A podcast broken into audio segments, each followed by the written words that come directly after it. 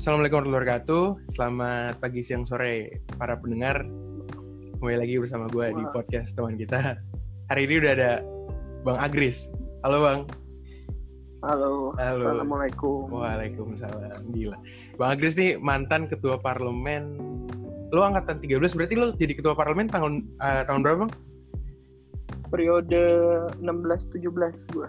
Oh, 16 17. Kalau nggak salah, gue lupa juga sih. Kalau nggak salah sih gitu sih. Tuh. Oh, Gimana, 16 17. gimana? Ber- berarti eh nggak bentar. Eh, kenapa lo mau jadi ketua parlemen Bang waktu itu, Bang? Apa emang ambisi lo menjadi ketua parlemen? Atau Ya. Dulu ya gimana ya? Namanya waktu masih muda lu idealis lu masih kuat lah ya. Ya. Gua oke. mikir, Kenapa gue mengambilnya ke arah ketua parlemen?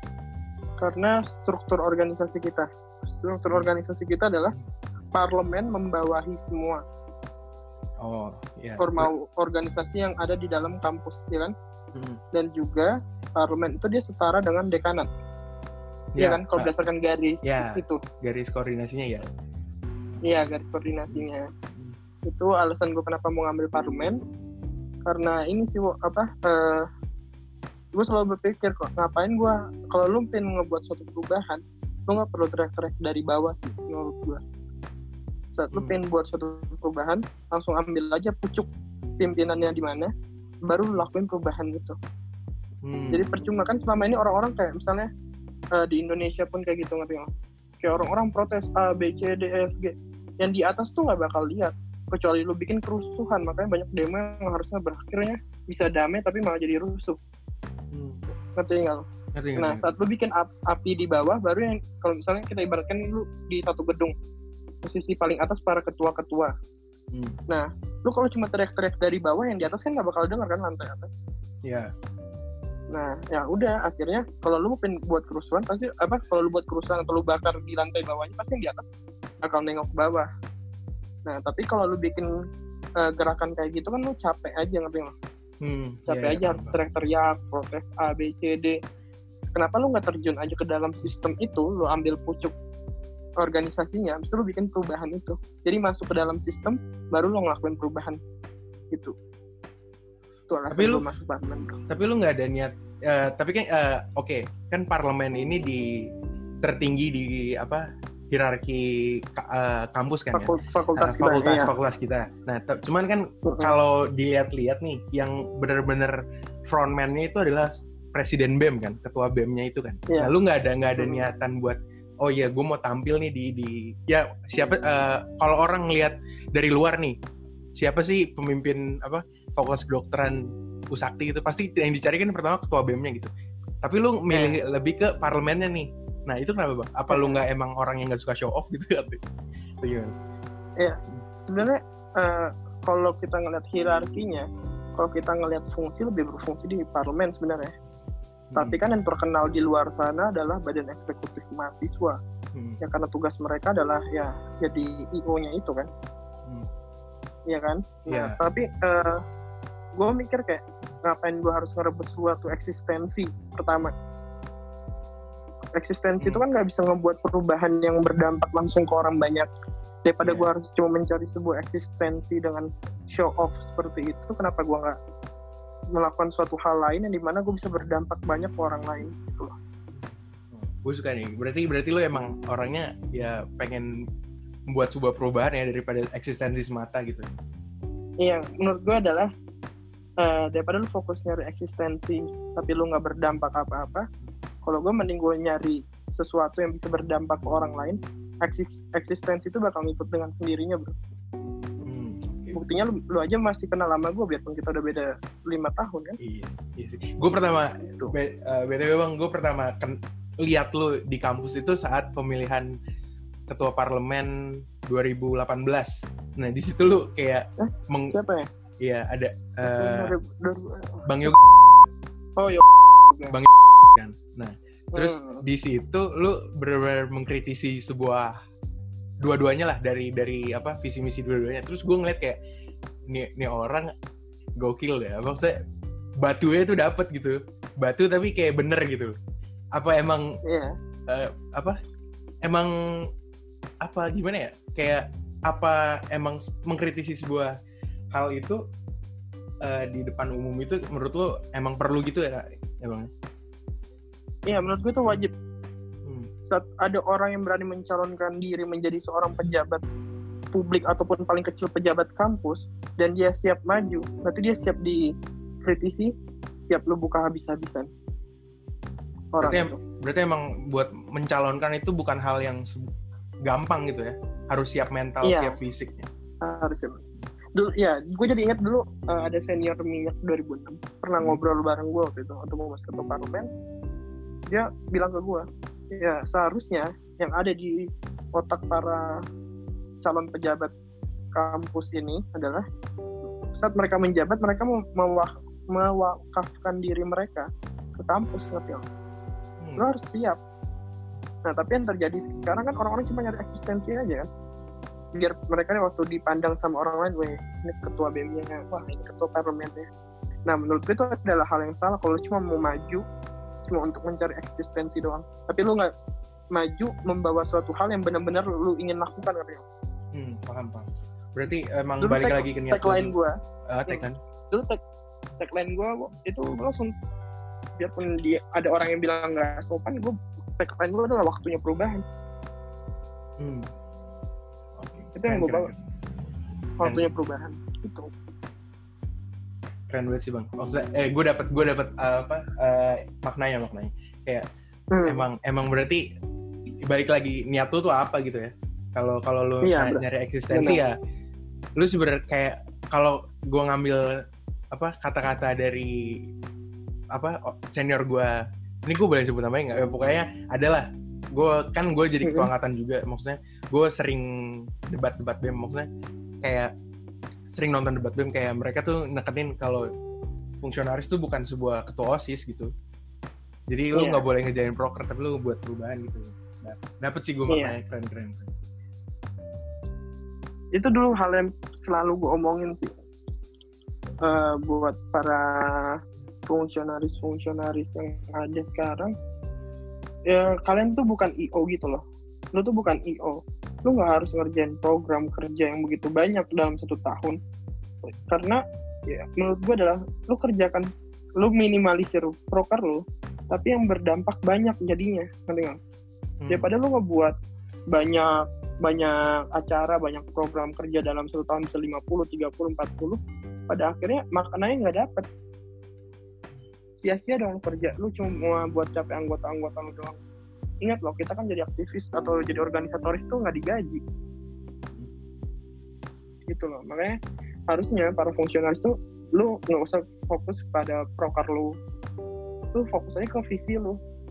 Visi lu apa dan kejar visi lu itu untuk organisasi ataupun untuk orang banyak. Itu aja sih. Menurut gua agak salah beberapa tahun belakangan ini. Eh, kalau boleh itu eh, kalau lu boleh cerita nih bang apa hambatan waktu lu jadi ketua parlemen dan dinamika waktu lu jadi ketua parlemen tuh paling besar tuh apa bang? Paling bermakna buat lu deh. Eh di dinamika jadi ketua parlemen ya. Mm-mm. atau ada Waktu maksudnya jam- kayak kayak ada apa peristiwa apa gitu waktu dari lu ketua parlemen? Waktu gua jadi ketua waktu gua jadi per- ketua parlemen ya. Mm-mm. yang pertama pasti gue urutin aja. Ini beberapa kejadian besar makanya masih ingat di otak gue Hmm. Yang pertama adalah pilbem gue Hmm. pilbem gue tuh sa- sangat rame Mm-mm. karena calon-calonnya juga berkualitas mempunyai masa yang banyak itu salah satu pilbem yang menurut orang rame di audit kita di auditorium kita itu Hmm. orang duduk sampai di tangga-tangga Hmm.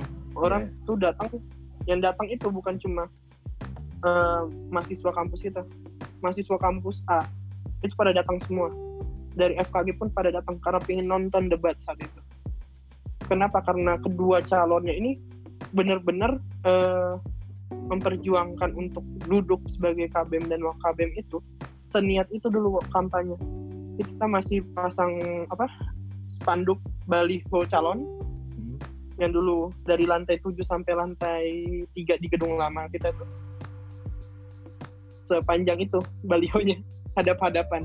Dua wow. calon berarti terus kita pasang flyer flyer flyer Mm-mm. terus setiap waktu kampanye mereka ada yang ngebawa TV buat TV? kampanye Wow. di, iya di lobby Wah, terus mereka banget. membagikan brosur brosur brosur brosur brosur apa eh, visi misinya dan program kerja mereka itu menurut gua adalah ya itulah euforia sebenarnya yang kita nantikan saat pilbem Berarti euforia di angkatan lu di di masa lu tuh dapat banget berarti ya?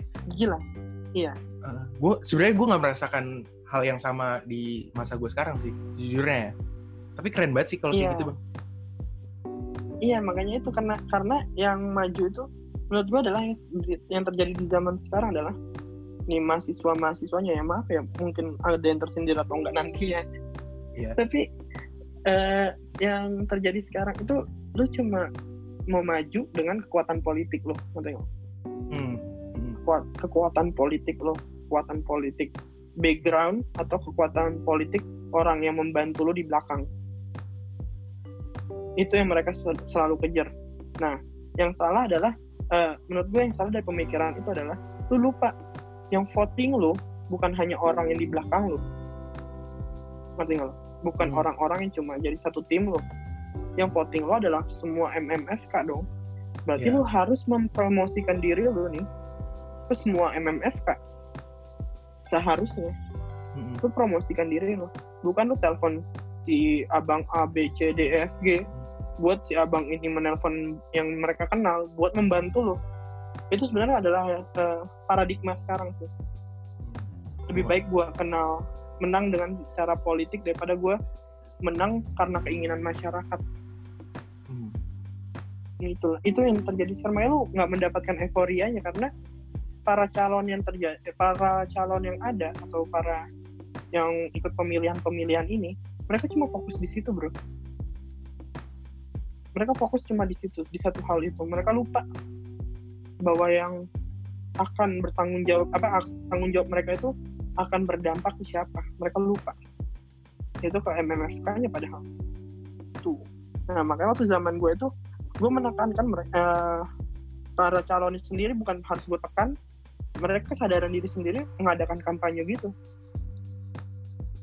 dan dan kalau ada yang bilang nggak di ACC kampus kata siapa di ACC kok mau kampus malah dulu dosen datang semua nonton seseru itu soalnya Iya sih. Mm-mm. Tapi di tahun gue juga eh, nggak ada dosen sih sebenarnya bang. Cuman Nah, perwakilan iya, kecewa dekanat. Iya sih. Maksudnya gue gue pengen sih dapat apa dapat euforia yang kayak gitu tuh keren kayaknya. Bener-bener pesta demokrasi gitu. ya itu dia kita sebutnya pesta demokrasi Mm. nah kenapa euforianya bisa hilang juga karena terlalu banyak namanya aklamasi beda ngerti lo Iya, gue selalu paham. mengatakan bahwa bahwa BEM itu beda dengan parlemen, beda dengan organisasi lainnya. BEM itu dia harus show off kan, ya kan? Nah, tapi karena terlalu sering terjadi namanya aklamasi yang mungkin kalau bahasa sekarang kita sebutnya new normal atau di FK itu Hmm. adalah aklamasi katanya. Nah, nah, itu dia ngerti nggak? Aklamasi itu yang yang menyebabkan euforia lu bakal berturun. Orang jadi udah nggak interest lagi sama namanya pemilihan. Hmm. Tiga tahun berturut-turut kan sempat aklamasi. Ya sempet. Tapi ta- tahun lalu nggak sih? Ya berusaha. iya. eh, Alhamdulillah nggak, udah nggak. Dan mencoba untuk membangkit, eh, untuk membangkitkan apa euforia di apa pesta demokrasi lagi sih. Iya, makanya itu selalu gue bilang kayak dan beberapa tahun lalu gue lupa ada sempet yang kayak cerita-cerita gitu bahwa KPU menggagalkan calon. Itu menurut gue hal-hal kayak gitu ngapain sih gitu loh? Pertanyaan gue Hmm. hal-hal kayak gitu ngapain sih? Lu, lu cuma menghambat orang untuk belajar namanya demokrasi. Ngerti kan? Oh, I see. pada akhirnya pada akhirnya harusnya namanya demokrasi itu tidak boleh digagalkan oleh penyelenggara pemilunya sendiri itu yang sempat berapa tahun lalu gue sempat bahas itu dan itu gue agak kecewa aja sih dengan kok bisa gitu Oh, bisa digagalkan gitu ya. oleh penyelenggara pemilunya Hmm. I see. ngerti nggak? Nggak Padahal paham, kan cuma paham, penyelenggara lu ngadain aja partinya kan ngerti kan Iya.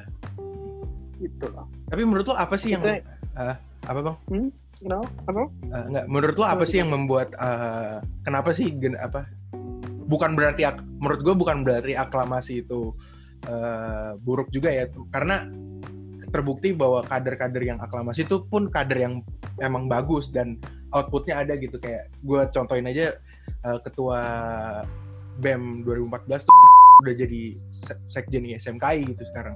Nah, tapi hmm. kena, kenapa di F apa maksudnya kader-kader selanjutnya nih takut untuk maju gitu, Bang? Menurut lo apa sih penyebabnya? Ya, pertama aklamasi itu gue juga aklamasi, gue produk aklamasi.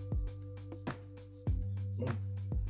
Produk aklamasi, BEM setelah Taufik aklamasi, uh -uh terus ketua BEM-nya lagi siapa setelah itu 16 aklamasi juga kan nah produk aklamasi itu nggak selalu kita bisa bilang jelek nggak bisa bilang bagus tapi yang jelek dari aklamasi adalah kita nggak bisa compare mereka hmm. ngerti nggak hmm. karena mereka cuma satu pasang di depan kita ngerti nggak kita nggak bisa kita nggak bisa membandingkan mereka dengan si A dan si B nya pasangan nomor satu dan nomor dua Nah itu jelek saat orang nggak mempunyai lawan, kadang dia cepat puas diri bro.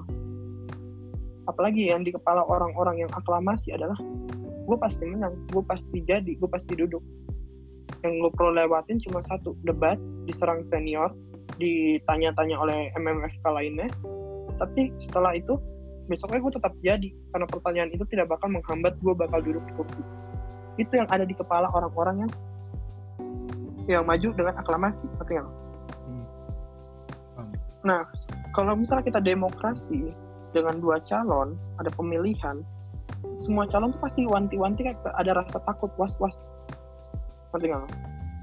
Was-was akan kalah was atau dia mungkin akan menang.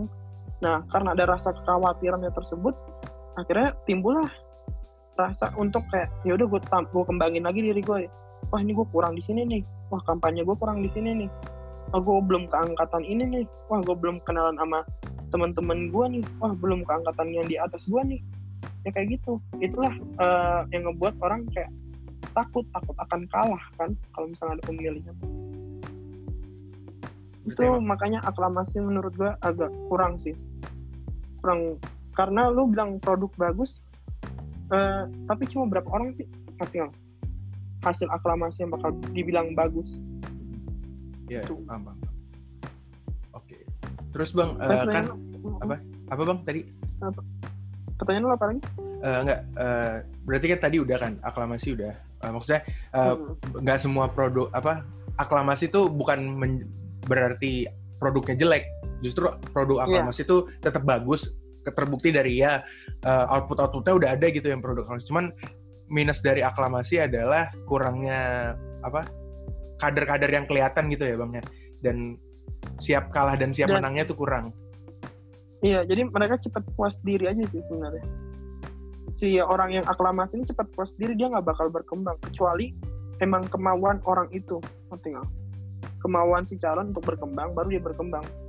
Tapi ada beberapa calon juga yang nggak punya kemam dia nggak mau untuk berkembang lagi karena merasa dirinya udah cukup puas. Jadi ya udah ngapain gue kembangin diri gue lagi? Kan gue udah pasti aklamasi ya pasti kepilih. Itu yang bikin ya bikin kurang jadinya. Gitu loh. Semoga di tahun ini uh, eh, FK Sakti tidak aklamasi lagi gitu ya. Da baik dari parlemen hmm. ataupun BEM-nya amin. Uh, ya itu yang gue harapkan. yeah. dan yang dan mungkin beberapa yang dengar kita mungkin ada yang kayak akhirnya jadi takut. Ngerti nggak takut maju uh, takut apa? Mm -hmm. kalau menurut gue adalah saat diri lo yakin lu nggak perlu dengerin orang lain lu maju aja bro gue bilang. Kayak ya udah lu maju aja. Kenapa? Karena uh, yang lu bakal lewatin ini cuma di saat sekarang doang. Lu saat mungkin sekolah lanjut lagi nanti lu nggak bakal ngerasain namanya pemilihan BEM lagi parlemen lagi. Ngerti nggak hmm, ini cuma terjadi sekali dalam hidup lu dan saat lu merasa diri lu yakin maju aja daripada lu nanti setelah ini lewat lu bakal nyesel kok gue nggak maju ya? Kok gue nggak coba ya tahun lalu ya? Gitu loh. Okay, maju aja. Oke okay, makasih bang. Uh, semoga yang denger tergerak hatinya gitu Uh, iya. uh, bang tadi uh, ada kata-kata bahwa uh, ketika lo maju jadi fungsionaris lo akan mewafak, mewakafkan diri lo kepada kampus gitu. Nah kalau dari pengalaman lo tadi kan pertama presbem tuh. Pemilihan presbem lo iya. cukup uh, apa penuh dinamika gitu. Nah terus dinamikanya uh, dinamikanya kenceng. Nah terus apalagi nih bang? Uh, pengalaman lo yang lo mewakafkan diri lo kepada kampus tuh apa lagi saat lo menjadi ketua parlemen? Setelah itu eh, ini masalah keuangan transparansi keuangan. Mungkin ini adalah isu yang sangat sensitif ya. Hmm, hmm. dan selalu ada di tiap Jadi- tahun gitu bang? Tiap tahun setiap tahun selalu Ah, ada. Iya. Dan mungkin ada pihak juga yang bakal resisten. Hmm, akan hal ini ngerti nggak lo? Iya. Tapi ingat, eh, kalau menurut lo itu, jadi intinya adalah saat lo menjadi seorang aktivis atau lo menjadi seorang fungsionaris, lo tuh udah menerima tanggung jawab dari masyarakat yang memilih lo, orang-orang yang memilih lo. Di sini gue pengen, ngaj- eh, pengen ngasih tahu aja kalau jangan sampai lo eh, membuang sia-sia harapan dari orang-orang yang memilih lo karena eh, rasa takut yang berlebihan. Ngerti nggak? paham bang Jadi jangan sampai lu membiarkan atau harapan orang-orang yang udah, oh gue harus pilih si Dewa nih, ah gue harus pilih si Agris nih. Terus waktu gue udah jadi duduk menjabat, terus gue lupa akan harapan orang-orang tersebut. Padahal eh, keinginan gue adalah saat maju adalah harap keinginan gue maju itu terdorong oleh harapan orang-orang yang ingin gue maju kan, ngerti nggak? Hmm, paham Nah, saat duduk di situ, ya lu harus berani. Biarpun itu mungkin agak menusuk ke tempat yang mungkin orang sebenarnya takut menusuk, Hmm, ngerti kan lo? Nah, itu ada yang pertama gue lakuin adalah transparansi keuangan. Nah, itu ada kejadian di angkatan setelah gue 2014. hmm. Bakal ada kejadian kenaikan uang SPP sebesar 20 juta. Gede banget tuh Dari bisa. 30 juta menjadi 50 juta satu Hmm. semester. Hmm. Nah, itu kan menurut gua kok bisa gitu loh. Dan itu dadakan banget. Itu adalah kebiasaan kampus kita Trisakti adalah. Iya, Ya, mungkin kalau mungkin nanti ada orang Trisakti yang mendengar, mohon maaf nih. gue jujur-jujuran aja, mohon maaf Eh, nih ya. Mohon maaf nih ya. Jujur aja. Kebiasaan Trisakti adalah selalu dadakan. Hmm, Tiba-tiba hamin seminggu, lu disuruh nyari 50 juta. Ya lu pikir aja bro, apakah orang tua kita berak uang? Enggak kan? Iya. Jadi hal-hal kayak gitu nanti. Waktu itu ada kejadian mau naik 20 juta. Dan itu cuma berapa hari sebelum eh, auto debit ya, auto debit Ah. di kampus. Ya udah akhirnya gue harus protes. Waktu itu ke ke Wadek 2, Wadek 2 itu adalah Ah. da- udah nggak ada di, di FK sekarang. Hmm. Dia spesialis ya, rehab, Hmm. dia KFR ya. Nah terus waktu itu gue ngomong dok, gue protes waktu itu gue datang protes dengan salah satu perwakilan angkatan 14 yang ikut gue kalau gue nggak salah ingat. Hmm. 2014 nah dia ikut nemenin gue kita ke atas ke lantai 5 ketemu sama dok dengan dokter Ati di situ gue menyampaikan keluh kesah dong. Kenapa bisa naik 20 juta ya? Gue minta penjelasan. Tapi yang itu gue minta adalah penjelasannya bukan cuma ke gue ngerti nggak? Iya. Gue minta kalau lu mau naikin 20 juta lu harus kasih penjelasan terlebih dahulu. Dan tolong ngasih waktu jangan dadakan. Hmm. ya udah akhirnya gue ngadain audiensi. Waktu itu gue di zaman gue adalah parlemen gue tuh punya uh, program kerja juga namanya diskusi publik. Hmm. ngerti? Nah diskusi publik itu dia untuk membahas uh, hal-hal sensitif yang menurut gue harus dijelaskan secara langsung ke MMFK yang terkait. Bukan cuma ke parlemen atau ke gue doang atau ketua BEM doang gitu nah akhirnya gue buat diskusi publik gue undang itu turun dekan Dr. Tuti bersama Dr. Ati sebagai wadek dua keuangan. Di situ gue membu- membuat eh, forumnya adalah tanya jawab bebas. Silahkan. Jadi bukan gua, jadi gue membuat parlemen cuma emang parlemen itu seharusnya jadi jembatan. Jembatan antara dekanat dengan MMFK. Di situ ada parlemen. Hmm. Jadi apa kebutuhan masyarakat fakultas kepada dekanat disampaikan oleh parlemen dan juga apa pun jawabannya nanti parlemen eh, memberikan wadah agar terjadinya penjelasan itu kan. Nah akhirnya ya udah kita bahas masalah itu. Terus selesai akhirnya batal naik 20 juta itu tetapi eh, dilanjutkan kalau kalau gue nggak salah ingat ya maaf ya kalau gue lupa nih mungkin kalau ada yang dengar ada yang ingat ya nanti tolong diingetin aja atau Hmm. dibenarkan aja Ya. Bisa Itu- langsung dia mu- DM bisa chat gue langsung Iya. nah itu eh kalau nggak salah dimundurkan di semester berikutnya tapi dibuat akhirnya kayaknya dipakai sampai si- zaman lo deh yang bayar tuh pakai gelombang ya benar ngerti nggak lo Mm-mm. Jadi yang gelombang ini gue bayar segini dulu nanti yang praktikumnya berikut nah ya. Mm-mm. itu sampai zaman lu sekarang. Oh, berarti itu zaman gue di awal awalnya dari lu ya bang? Wah keren. Iya, pionir. dari, dari zaman gue Ya. waktu itu masih wadek duanya bagian keuangan masih waktu itu. Itu hasilnya sih produknya. Dari hasil pertemuan itu. Atau hasil dari gue men- gue menyalurkan aspirasi dari teman-teman aja. Eh, biar nah itu maksud gue itu adalah menurut orang-orang pasti kayak kok berani menusuk jantung Iya, benar. gitu tapi ya ketinggalan Nah, gini bang, gue juga pernah ber apa sebagai ketua angkatan, gue pernah bernegosiasi juga kan dengan pihak dekanat soalnya tentang pendidikan gitu. Nam, cuman gue ada sebuah pertanyaan nih buat lo. Eh, kan mahasiswa itu adalah masa di mana idealis lo paling tinggi gitu kan ya bang.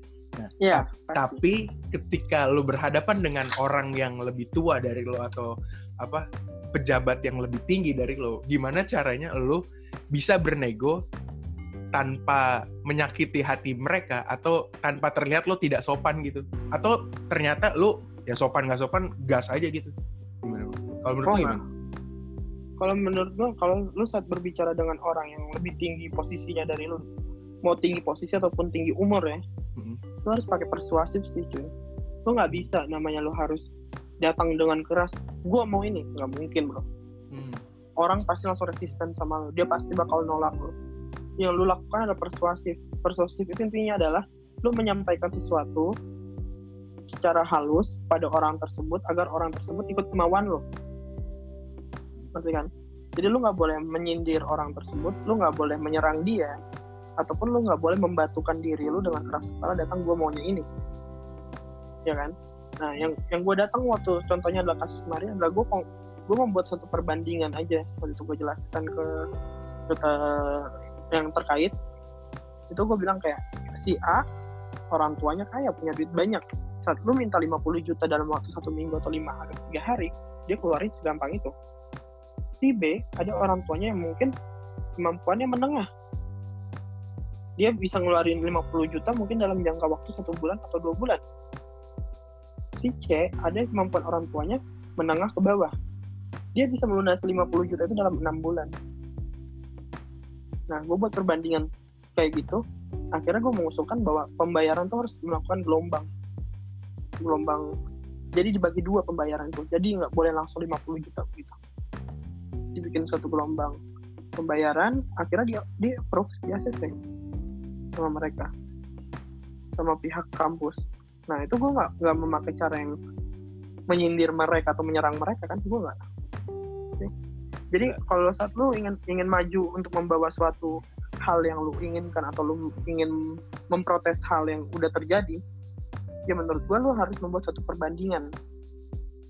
Kenapa Jadi harus dilakukan ini? penjelas- kenapa harus Hmm. dilakukan itu gitu ya? Iya, iya. Ken- eh, kenapa lu harus buat A, B, C, D, E, F, G gitu loh. Nah, saat lu mau protes, lu harus buat punya pembanding, bro. Jangan sampai lu cuma datang orang kritik, kritik, kritik, kritik, kritik, kritik, kritik, tapi lu nggak menawarkan solusi apa pun.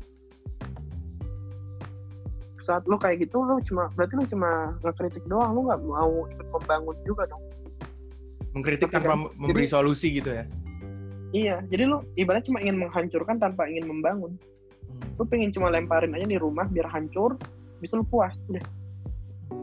Menurut gue itu yang salah. Saat lu memberikan kritik lu tawarkan solusi. Jadi misalnya ada orang yang membangun rumah dia masang jendelanya salah karena menghadapnya ke tempat yang kurang enak dipandang ya udah harusnya lu bilang ya udah ini salah harusnya lu ke hadap sini. Yang di mana pandangannya bisa gunung danau pepohonan ya kayak gitu. Harusnya lu menawarkan solusi daripada lu menghancurkan rumah itu doang. Mantap. Sih keren keren keren ilmu negosiasi dari bang Agris anjay Wow. gue dulu dulu emang terkenal tukang nego. Iya. Tapi gue keren sih. Gue gue gak dari cara lo ngomong tuh bisa memikat apa pikiran orang gitu. Ya terbukti lah. ya kita sering ngobrol Baik, waktu di kosan Mastris gitu ya. Gimana bu? Iya. Ya Allah. ya adalah kejadian itulah ya bang. gue iya lu lihat aja nggak pernah kan gue memaksa gue Iya. mengancam benar gue tidak mau tidak memaksa. cara itu. Tidak memaksa cuma tiba-tiba ya gimana harus melakukan gitu mau tidak Hmm. mau.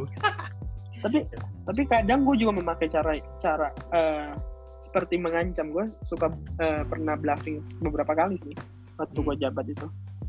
Ya gue pernah bilang kayak gue lupa permasalahannya apa atau mungkin ini masalah transparansi keuangan gue lupa Eh, itu gue ngomong kayak ya ini ini masih saya yang datang untuk mempertanyakan hal ini.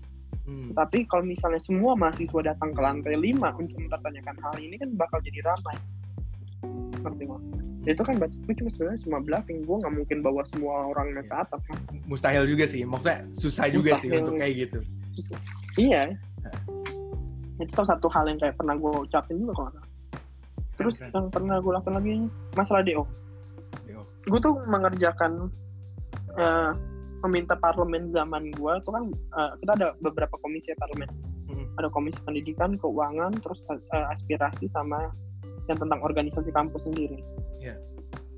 nah terus kalau yang ko- komisi satu dari zaman gue sebenarnya masih sebelum jadi ketua parlemen masih anggota parlemen tuh gue udah membuat eh, sistem mentoring bro.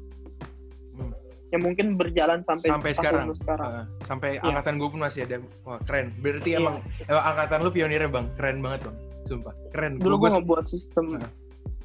sistem mentoring itu mungkin kalau lu nggak percaya sama apa yang gue omongin lu bisa tanya ke angkatan gue semoga aja mereka masih ingat juga sih.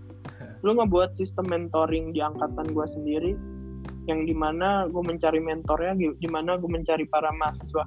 Gue eh, eh, para mahasiswa yang dia mungkin kurang ya gue paling gak suka ada orang nyebut mereka calon do jangan sebut gitu kasihan mereka mentalnya bakal jatuh kan. Nah, lo harus bilang kalau mereka adalah mahasiswa yang kurang kurang kurang aktif ber- berlai apa belajar, kurang aktif bertanya. Pokoknya intinya adalah mereka mahasiswa yang kurang aktif aja sebenarnya. Nah, itu gue membuat sistem mentoring di mana gue kumpulkan orang-orang yang pintar, tanda kurung, yang benar-benar IPK-nya mungkin di atas tiga waktu itu kalau nggak salah. Terus gue ngebuat sistem mentoring di mana mentornya tuh sampai ngajar ke kosan Hmm.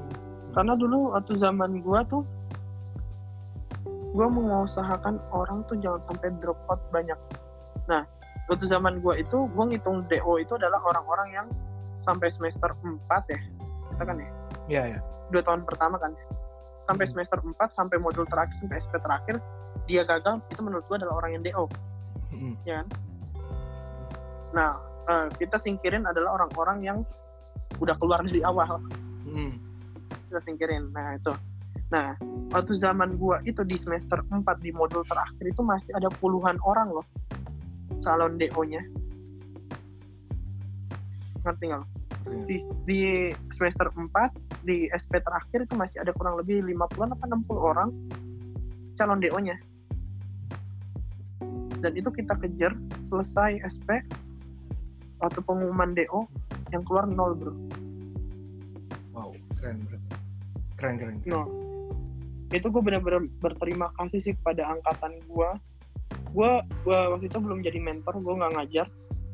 Gue cuma sebagai seorang manajer. Manajer mentor sih. Iya, gue manajer mentor. Gue eh, gue lebih ke arah manajerialnya. Gue cuma ngatur-ngatur kelompok. Karena lu mau ngatur orang untuk belajar itu kan harus kayak yang cocok atau Hmm. dia temen dekat atau apa ya kan harus kayak gitu Iya, kan. iya. Itu, nah eh, dan itu gue sempat sebenarnya ingin mengidekan sih. Seharusnya kampus tuh memberikan reward lebih buat orang reward ini. lebih untuk orang para mentor yang mau mengajar Hmm. nanti nggak di Ya. luar jam pelajaran gue akhirnya karena waktu itu gue berharap sih rewardnya adalah berupa materi Hmm. tapi tidak di ACC Hmm. Karena mungkin duit kampus kurang. ya mungkin jadi Mungkin ya gue nggak tahu lah Iya. Ya. nah akhirnya ya udah gue minta ke BEM waktu itu kan gue masih anggota parlemen ya gue minta ke BEM untuk ngebuatin sertifikat mentor Hmm.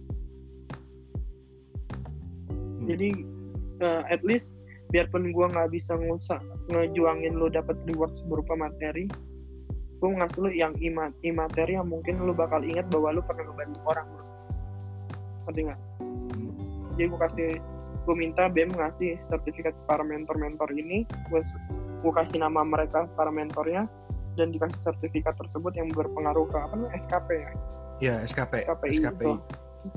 Nah, itu sebagai pengingat bahwa mereka adalah orang baik yang pernah mau ikut bantu. Waktu itu gue berjuang untuk ngebantu. Kenapa gue berjuang? Karena calon-calon eh, apa para ma- mahasiswa yang kurang yang mungkin sampai akhir semester ini adalah teman-teman gue juga, teman-teman dekat gue juga. Eh, akhirnya gue berterima kasih dengan cara itu sih ke mereka. Mereka mau bantu karena kalau waktu itu posisi cuma gue sendiri yang berusaha menolong 50 orang lebih wah nggak mungkin bro. Capek sih. Hmm. berjuang sendiri Nah, juga ca- tapi- capek sih. Be- iya berjuang sendiri tapi ter- untungnya tapi untungnya ada teman-teman di angkatan gue yang mau berjuang untuk itu. Akhirnya program itu berlanjut ke 2014 itu ketua komisi satu gue bangkit yang ya lu boleh teman-teman yang mungkin yang dengerin ini kalau nggak percaya boleh tanya langsung. Dia ketua komisi satu gue itu gue suruh lanjutin sistem ini sampai ke bawah-bawah. Dan masih berjalan sampai sekarang bang? Nah bagus lah kalau itu masih berjalan sih alhamdulillah. Nah, alhamdulillah. Bener-bener berarti lu bener-bener apa penggerak sebuah perubahan ya bang? Keren. Iya, karena gue menurut gue itu gue keselnya adalah orang-orang yang ingin mencalonkan diri sekarang nih, mau Hmm. gue takutnya adalah orang-orang yang cuma janji palsu kayak janji-janji politikus ngerti nggak? Wah, waduh, iya sih. Ngerti nggak? Janji-janji Emang. manis di depan, Hmm, ya kan? hmm, bener-bener. Maksud gue adalah kayak seharusnya lu bukan itu lu masih mahasiswa bro, harusnya lu masih idealis. Idealis lu, lu pertahankan sam karena ujian paling berat adalah bukan pre pemilihan, bukan pas pemilihan, tapi pasca pemilihan saat lu udah duduk di kursi itu. Apakah lu masih ngebawa hal yang sama saat lu janjikan waktu pre pemilihan? Apakah lu masih bersuara banyak saat pas pemilihan? Itu dilihat pas pas apa pasca pemilihannya itu. Itu dilihat waktu itu. Ini orang bisa megang omongannya atau enggak. Itu. Makanya gue selalu mengatakan bahwa orang yang milih si calon ini harus siap mengkritisi si calon ini kalau dia memang salah. Itu sih yang yang gue harapkan tapi ya itulah sulit lah. Hmm. Ya, ya semoga aja apa ada kader-kader lagi gitu ya tahun ini gitu, Iya, yang bisa. diharapkan. Amin ya Allah. Nah, terus Bang, gue pernah ada Masa apa? apa Masa tadi 10 lu? tahun sekali sih? Masa 10 tahun sekali baru ada kader bagus sih? Ya, Wah, kan? 10 tahun Cuman, sekali. Jangan dong. Iya. Bang, gue pernah dengar gue pernah dengar cerita katanya lu sempat tidak berkuliah demi apa eh, memperjuangkan universitas. Itu kayak gimana, Bang? Bukan apa bukan bu- tidak berkuliah apa? Dicut bukan gimana sih, Bang? Gue atau lu di dibolehkan dikasih dispensasi gitu. Kayaknya sih, gue juga nggak Ah, ah. tahu itu. Itu kejadian 2016 ya, bulan Hmm. bulan apa ya? Udah mau selesai padahal gue jabatan gue. Udah Oh, itu dulu banget. itu, belum selesai. Berarti di akhir jabatan lu ya. Agustus Ah. September. Harusnya udah udah kendor tapi lu bisa Ya, bangkit lagi gitu kan. itu iyalah kar- karena itu masalah besar. Oh, itu susah. Iya, masalah itu berawal karena eh, dulu angkatan 2010 ada beberapa senior kita yang mau sumpah dokter. Hmm. dia terancam dikatakan dokter ilegal dikarenakan permasalahan besar yaitu adalah konflik yayasan rektorat. Ya, yang selalu di ya masih sampai sekarang masih dipermasalahkan nih yayasan rektorat ya. Ya, itu masih permasalahan. Ini kejadian sebenarnya udah dari tahun 98 99 kalau gua nggak salah ya, gua nggak salah ingat. Itu ini kejadian udah lama di mana waktu itu eh, rektor kita sebelum Pak Ali Gofron sekarang adalah Prof Tobi Mutus. Itu Hmm. adalah Prof Tobi Mutis. Iya. Yang baru turun waktu di zaman gue juga. Nah, itu adalah eh ini adalah konflik yayasan rektorat di mana waktu itu Menteri Menristek Dikti sebelum yang sekarang ini waktu masih periode pertama Pak Jokowi itu Pak eh, Prof. Natsir itu dia menunjuk rektor baru dari yayasan. Otomatis ijazah yang udah ditandatangani oleh Pak uh, Tobi Mutis itu bisa dikatakan ilegal. Hmm. Nah, ini akan ada dokter-dokter dokter-dokter yang udah mau sumpah. Terus kedua adalah uh, ada senior-senior kita kita kita juga yang mau ujian, ujian UKMPPD, UKDI. Mereka nggak bisa ikut UKDI. Kenapa? Karena permasalahan yayasan rektorat ini. Akhirnya ini permasalahan benar-benar wah itu cukup rame uh, rebutan kampus dengan masuknya preman-preman dari yayasan. Uh, akhirnya untuk waktu itu presma kita bagus si Kader. Bang Kader ya, Bang Kader gue ini. Hmm, mungkin kalau lu tahu ada nama presma kita Kader, wakilnya J. Terus uh, ketua kongresnya ada si Ucok, Ucok dari mesin. Itu untung orang-orang yang menjabat saat itu adalah menurut gue uh, kompeten. Beruntungnya gue adalah saat permasalahan ini pecah, yang menjabat adalah orang-orang yang, kom yang kompeten. Yang menurut gue nggak takut. Padahal kalau masalah ini, mungkin orang-orang udah takut. Pasti ancamannya adalah ancaman pendidikan loh. Ancaman kenyamanan loh. Yeah. Pasti ada. Yeah. Di apa? Di saat lo memegang masalah ini. Nah, saat konflik ini pecah ya, dan rektorat akhirnya kita waktu itu bersama gue sama anak-anak kampus A tapi uh, di sini gue apresiasi untuk Presma waktu itu si Kadir kita langsung ngeblok ngeblok gedung M gedung rektorat ya. Wah, gue gue dengar cerita ngebawa, itu. Hmm. Kita ngebawa tagline-nya adalah reformasi yayasan, reformasi rektorat. Hmm. Kita tutup gedung M.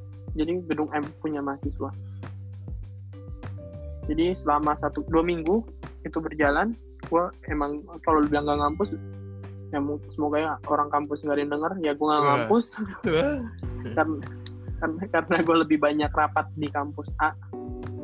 Kayak pagi ketemu pagi pagi sampai malam kita ke A B C D ketemu si ini si itu. Ya banyak lah untuk menyelesaikan kasus ini. Ini bukan kasus ini bukan kasus yang bisa selesai langsung di periode gue emang gue udah yakin. Nah waktu itu kita mendorong adalah Trisakti menuju negeri. Uh, waktu itu bersama Presma ada juga beberapa teman dari Fakultas Hukum kita udah ngumpulin dasar-dasar bukti bahwa Trisakti ini bisa jadi negeri bro ini Trisakti bisa jadi negeri karena karena berdasarkan uh, surat tanah kita ini surat tanah itu tahun 65 ditandatangani Soekarno ini hmm. Trisakti ini punya negara. Negara. Tanah negara bangunan swasta. Ya. Karena waktu itu Soekarno menitip, menitipkan Trisakti ke yayasan, makanya ya. ada yayasan Trisakti. Iya, betul. Nah, konflik ini yang terjadi adalah konflik kepentingan antara orang rektorat maupun orang yayasan. Betul. Tapi uh, konflik ini merugikan adalah merugikan mahasiswa, sangat merugikan mahasiswa. Hmm. Akhirnya setelah gedung yang M kita blokir itu diblokir sama anak-anak uh, terus akhirnya uh, kita uh, manggil Pak Menteri atau Prof. Nasir dan kita minta Pak Menteri untuk rapatnya bukan di gedung dia hmm. tapi kita rapat di ruang Presma Trisakti. Pertama lesehan. kalinya loh. Lesehan, lesehan. Uh, keren banget ah, kalau nggak salah kalau nggak salah masih ada videonya di YouTube gue lupa juga. Lesehan keren. Mau lo diajak lesehan. Keren banget gila. Mau untung untungnya Pak Menteri ya apa gue respect juga dia masih mau. Dia orangnya juga uh, oke okay, baik gitulah nggak nggak yang kayak keras. Gimana sebagai seorang menteri dia datang lesehan dan rapat bareng kita. Membicarakan masalah ini dengan mengundang kedua belah pihak yaitu yayasan rektorat dan mahasiswa sebagai penengahnya. Karena mahasiswa di situ gue benar-benar uh, kita merasa rugi banget. Kenapa? Lu bayar bro. Lu bayar. Kewajiban lu udah lu bayar semua. Tapi hak lu kayak yang gue bilang teman-teman kita yang mau sumpah dokter itu senior senior kita yang mau sumpah dokter kan dia udah menunaikan kewajibannya dalam hal pendidikan maupun non pendidikan itu uh, administrasi. Udah semua selesai. Ya kan? Hak yeah. dia adalah dia mendapatkan titel dan ijazahnya dong. Hmm. ya nggak? Iya. Yeah. nah masa karena masalah konflik kepentingan antara dua belah pihak ini yang harus dirugikan mereka mereka ini saat Loh? hari itu pecah juga yang preman masuk itu juga ada prem ada sidang-sidang sidang S2 ataupun S3 yang akhirnya batal itu nggak itu rugi banget pada Rugi. itu It- itu masalah besar sih sebenarnya eh, intinya kita adalah Trisakti menuju negeri gue sampai sama anak-anak itu rapat di Kemenkumham sama Pak Yasona ini Menkumham yang zaman sekarang dan zaman dulu tuh Iya. Oh berarti Itu ada pihak zaman ya. dulu ya? Iya, sudah ketemu dia. Itu kita ada pihak yayasan, ada pihak rektorat, ada Kementerian Keuangan, Kementerian Hukum dan HAM, dan ada Komnas HAM. Karena waktu itu eh, Kadir sempat membawa masalah ini ke Komnas HAM juga karena mengancam hak dari mahasiswa, ya kan? Iya. Sama betul. Komisi 10 DPR RI. Nah, eh, itu gue benar-benar kayak dua bulanan itu gue jarang malah masuk kuliah malah teman-teman gue jarang ngeliat gue di kampus B padahal gue biasa gue adalah mahasiswa kampus B gue malah lebih banyak Yeah. ngabisin waktu di kampus A buat membahas masalah ini ngajar masalah ini Hmm. dan akhirnya sampailah kita tuh di ujungnya di rapat di Kemenkumham itu dan keputusannya dibentuklah Pokja Ya. jadi Betul. Pokja itu adalah tim yang di mana untuk menyelesaikan suatu masalah kan Hmm. nah udah gue nyampe di situ eh, setelah itu fix gue turun jabatan dan teman-teman di kampus A juga udah mulai habis masa periodenya dan kita menitipkan ke bawah kita atau pelanjut kita. After that gue langsung rehat dari dunia organisasi. Capek banget ya, pasti pasti capek banget. capek.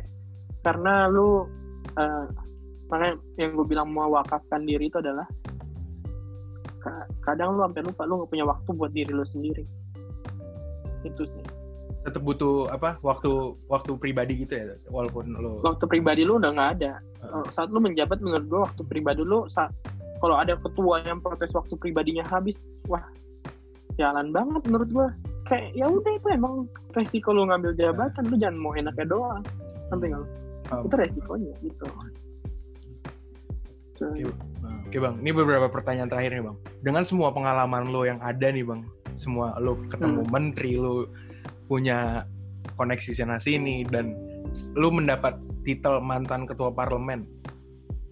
gue mau nanya nih, hmm. tapi di kalau kalau ditanya, emang benefit jadi ketua pa- man- ketua parlemen atau fungsionaris lainnya apa sih? Kalau dari soft skill, of course, jelas lah ya Hmm. soft skill lo. Tapi eh, di masa lo kerja sekarang, lo sekarang internship kan ya bang ya?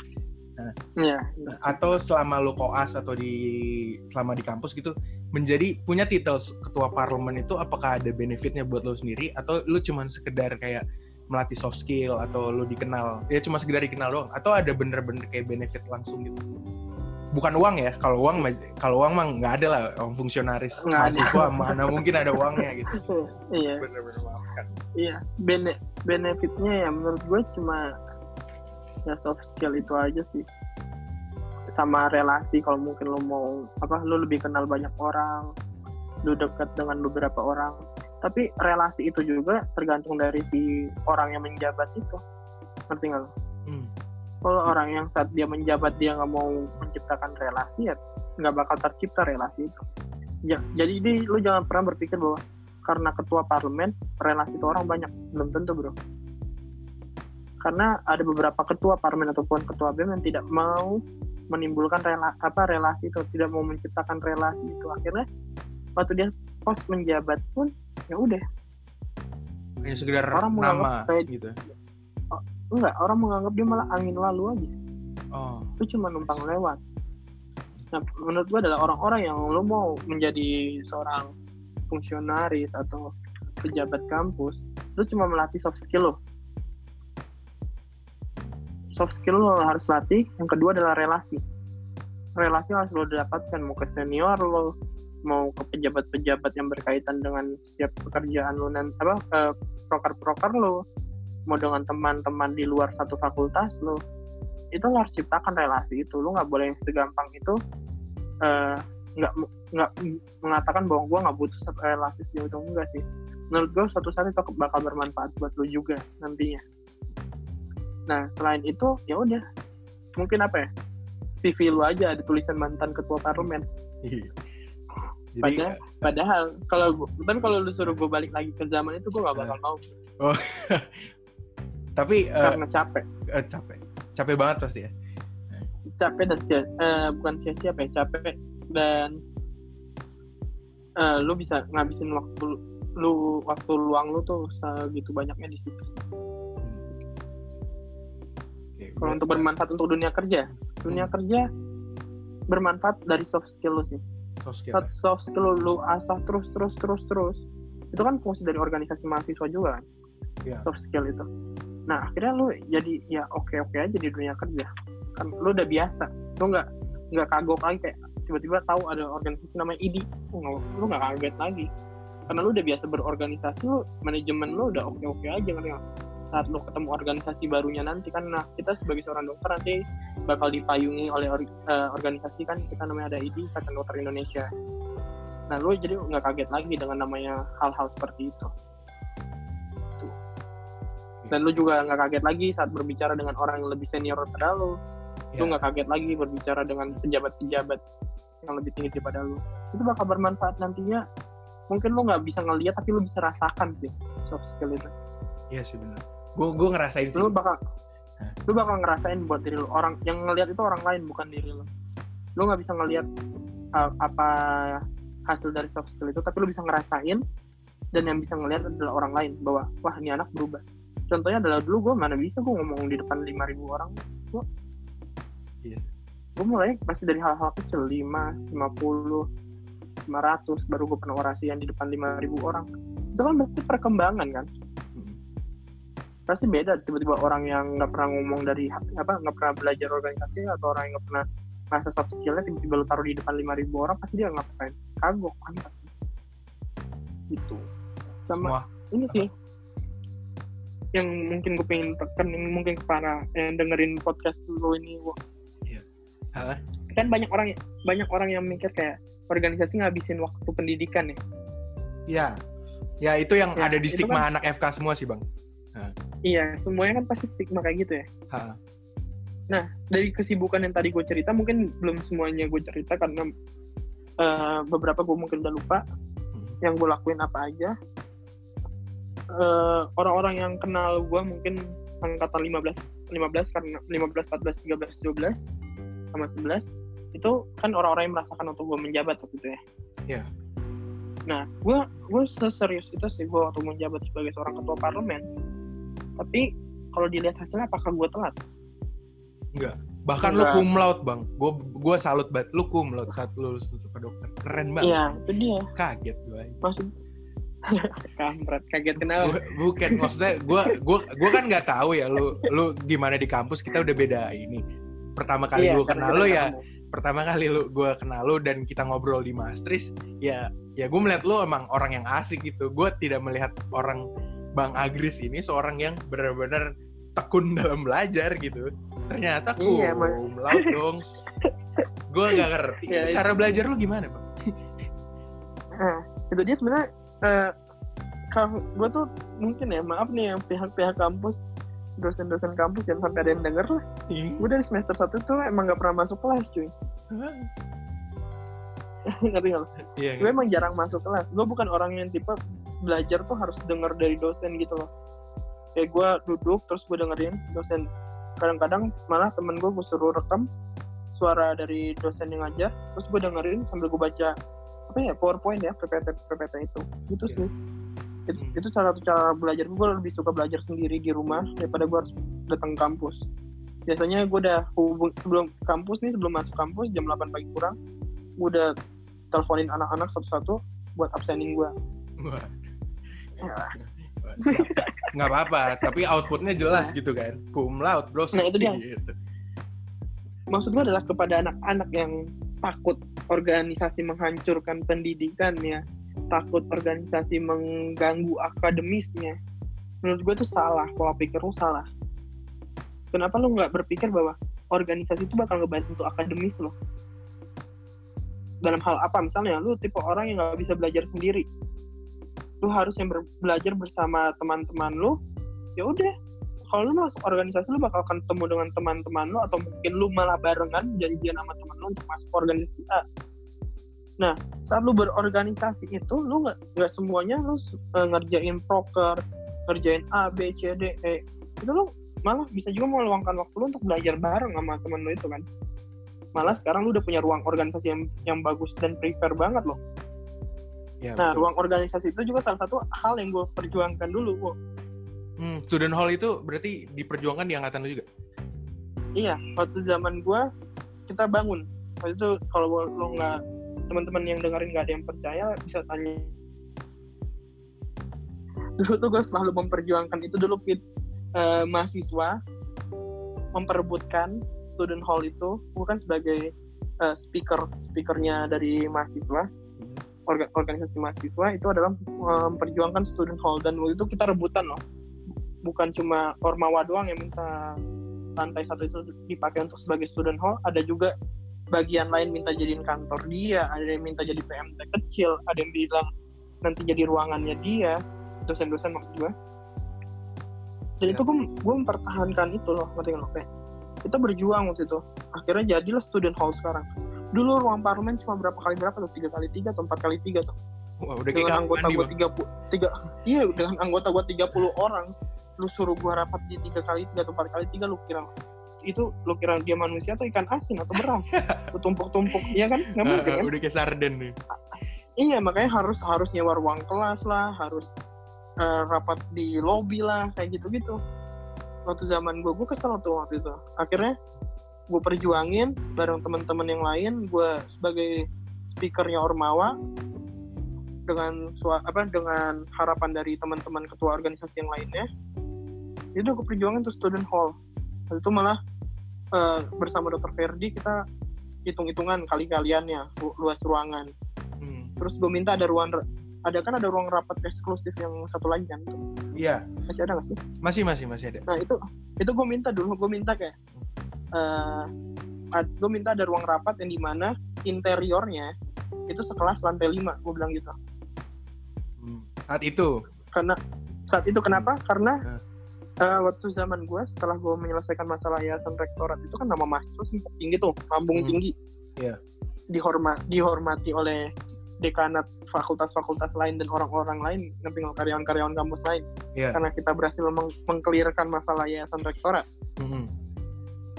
sampai adanya PLT rektor sekarang sampai Prof Tobi Mutis turun mm. mengundurkan diri nah itu nama mahasiswa melambung tinggi dan di saat nama mahasiswa melambung tinggi gue nggak bakal sia-siain itu loh momentumnya yeah. ada gitu ya? Momentumnya ada nih. Ya udah gue manfaatin. Saat gue lagi tinggi tingginya lagi di puja pujanya waktu itu mahasiswa ya udah gue gue manfaatkannya adalah gue minta student hall. Nah, itu gue langsung parlemen langsung gue bilang studi banding yuk kita. Gue bilang kita studi banding kita cari uh, kampus mana yang punya student hall yang bagus menurut gue akhirnya unpad lah yang kita samperin waktu itu ke FK unpad uh, student hall yang kayak begini kayak punya kita sekarang. Jadi dia punya satu lantai untuk organisasi mahasiswa yang di mana itu udah include semua ormawa.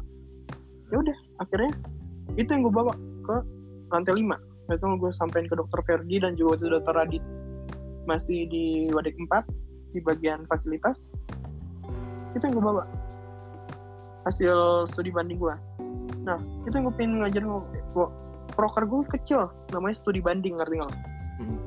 yang hampir semua orang bisa ngelakuin studi banding ya nggak? Iya tapi impactnya tapi besar banget. iya dampaknya itu itu yang gue pengen kok uh, para para fungsionaris sekarang ataupun selanjutnya adalah itu gue ngelakuin hal kecil loh artinya gue bawa uh, gue cuma ke unpad yang di mana studi bandingnya dekat dulu malah ada ormawa yang studi banding sampai ke Bali. Mm-hmm. dan dampaknya nggak ada buang-buang duit yang intinya lu cuma mau jalan-jalan doang ke Bali rame-rame. Dan gue cuma deket ke Jakarta Bandung tapi gue membawa dampak. Itu yang gue inginin adalah. Jadi ya udah gue bawa gue jelasin ke dokter Ferdi oke okay, ACC ACC lobby lobby lobby lobby. Di situ lobbynya lumayan ketat karena ada ada beberapa bagian yang minta itu juga dipakai buat mereka. Tapi gue tetap mempertahankan gue alhamdulillahnya hubungan gue dengan dokter Ferdi dan dokter Radit lumayan oke. okay dan hubungan bukan dengan mereka berdua doang sih. Hubungan gue dengan semua dekanat waktu itu oke okay, terjalin bagus. Dekat dengan dekan wadik satu wadik dua dan wadik tiga dan wadik empat. Itu alhamdulillah waktu itu komunikasi gue lancar hubungan gue harmonis. Jadi gue bisa persuasif. Hmm. meminta untuk adanya student hall itu. Nah tapi waktu gunting pitanya waktu zaman si Oh ya. nah Jadinya kampretnya adalah Hah? gue nggak diundang pas- lu kan lagi koas mungkin bang waktu itu bang. oh mungkin itu Ya, mungkin, mungkin ambil positifnya aja bang. gue nggak diundang waktu gun- Oh nggak diundang. diundang nggak ya pokoknya gue nggak datang sih gue lupa antara diundang atau enggak Oke. kalau ka- apa teman-teman yang dengerin podcast ini nggak percaya silahkan aja langsung tanya ke dokter Ferdi dia masih menjadi seorang saksi hidup ataupun fungsionaris di zaman gua. Itu siapa ya? Noval Tiar ketua wakil ketua BEM Guna Guna sama Oki angkatan 2013 komandan dan wakil komandan Satgas. Iya. terus ketua TBM waktu itu Amalia Cahyani. Hmm. ketua hariannya Dera Dera Des. Terus trimetnya itu si Bayan. Hmm. Eh, untungnya adalah waktu zaman gue fungsionaris itu nyatu Ya, ngerti nggak? itu Nggak dia penting bertengkar. pentingnya sebuah apa? Bareng-bareng gitu ya bang. iya. Lu harus nyatu dulu satu frame dulu baru lu bisa satu suara. Kalau frame lu udah kotak-kotak ya lu gak bakal bisa jadi satu suara bro. Yang ada terjadinya lima suara. Nah kenapa gue ngambil parlemen adalah posisi parlemen adalah posisi puncak ya nggak? Lo yang bisa menengahinya. menyatukan- Iya. Iya, gue bisa menengahi dan gue bisa menyatukan empat organisasi besar yang ada di bawah gue. Nah, itu harusnya menjadi tugas pokok dari seorang eh, ketua parlemen. Dan alhamdulillah tuh terbangun hubungan bagus di antara kami berlima waktu itu. Jadi kita selalu satu suara, wo, untuk hal-hal besar. Dari masalah transparansi keuangan, masalah yayasan rektorat, masalah student hall, masalah drop out itu alhamdulillah lancar sih sama masalah kaderisasi. Ada juga namanya nanti ada tuh kalau di forum nggak tahu di zaman sekarang masih ada nggak pukom. Kom. panduan umum kaderisasi organisasi mahasiswa. Gua belum tahu ada itu atau enggak. ngatur ngatur TD lu ngatur TM lu. Hmm. itu ada. Ya gitu gitu loh untuk satu suara. Nah mak- maksud gue adalah yang terjadi sekarang itu cuma perpecahan perpecahan dalam kampus. Ngapain apa sih yang lu cari berantem dalam kampus ya nggak Hmm. apa yang lu Oke. cari yang lu cari cuma eksistensi doang ngerti nggak lo Hmm. saat lu berantem dalam kampus lu pengen terkenal aja di antara mungkin junior junior lu wah abang ini hebat nih berantemnya gini gini gini Waduh, yang Bukan- yang dicari bukan- cuma itu doang ngerti nggak ini bukan gue yang bilang Bukan. loh, bukan gue yang bilang loh bang. saya diserang kan saya tidak tahu. Gitu. Tapi ya semoga ya ini pesan buat dari bang Agres. Iya. Karena jangan sampai lah lu ada ada perpecahan perpecahan mungkin gue udah jauh lah dari kampus gue juga nggak mau nggak mau apa gue juga nggak tahu apa yang terjadi di antara kalian kalian yang ada di sana. Tapi pesan gue adalah ya udah stop aja. Lu berantem satu sama lain. Coba lu mikir deh kayak kampus-kampus lain udah berkembang kok lu masih berantem sama gitu loh. Itu sih menurut gue Ya, bang, thank you banget bang, udah berbagi pelajaran. Bener-bener ilmu Yo. semua nih, ini ilmu semua nih buat gue. Semoga ya, siapa pun penerusnya bisa mempersatukan, terus bisa, ya tadi lu bilang membuat sebuah perubahan. Amin. Iya. Menur- Menurut gue udah harusnya udah ada perubahan baru lagi sih di FK. Jangan sampai kita stagnan di sini aja. Sayang aja. Trisakti itu nama besar. Jangan sampai apa lu besar karena nama Trisaktinya doang, bukan karena nama lu. Ngerti nggak? Thank you bang. Gitu sih. Oke. Eh, Oke mungkin bang kita udah satu jam ngobrol lebih, seru banget. Wow, gua nggak apa-apa seru banget bang gue juga gue emang enaknya gue bikin podcast kayak gitu kayak ya udah eh, waktu berjalan gitu aja gitu dan kayak ngobrol biasa oke bang eh, t- thank you thank you bang udah berbagi pelajaran dan cerita buat kali ini mungkin Ya, semoga yang denger atau ada calon-calon fungsionaris ke depannya atau sekarang yang lagi menjabat semoga bisa lah memberi sebuah perubahan buat FK Trisakti atau mungkin lebih besarnya buat Indonesia sendiri itu bang. amin Terus doain juga lu sukses bang internshipnya. dan- amin sukses juga buat lo oh iya bang. dan Eh, terakhir bang. Apa? Plan lu ke depannya apa bang? Sekolah lah Di sekolah. Spesialis gue atau harus sekolah dulu spesialis ada ingin Kalau gua menjadi eh, ada ingin menjadi menteri pendidik eh, menteri kesehatan gitu bang? kalau kalau ada jalannya sih pasti gue Oh, ambil Amin. tapi yang dipertahankan adalah idealis gue masih sama atau enggak saat gue Ah. menjabat nanti ya. itu kan yang berat bro Iya sih. Mempertahankan idealis susah sih bang ya. susah saat lu udah masuk dunia kayak gini dunia kerja ah, ya idealis lu hati-hati aja bisa luntur aja itu yang dibikin takut Jadi pinter-pinter aja lah ya. iya Pinter. Oke. Oke, thank you banget Bang eh, berbagi ceritanya. Oke, teman-teman, eh, sampai sini dulu episode kali ini. Assalamualaikum warahmatullahi wabarakatuh.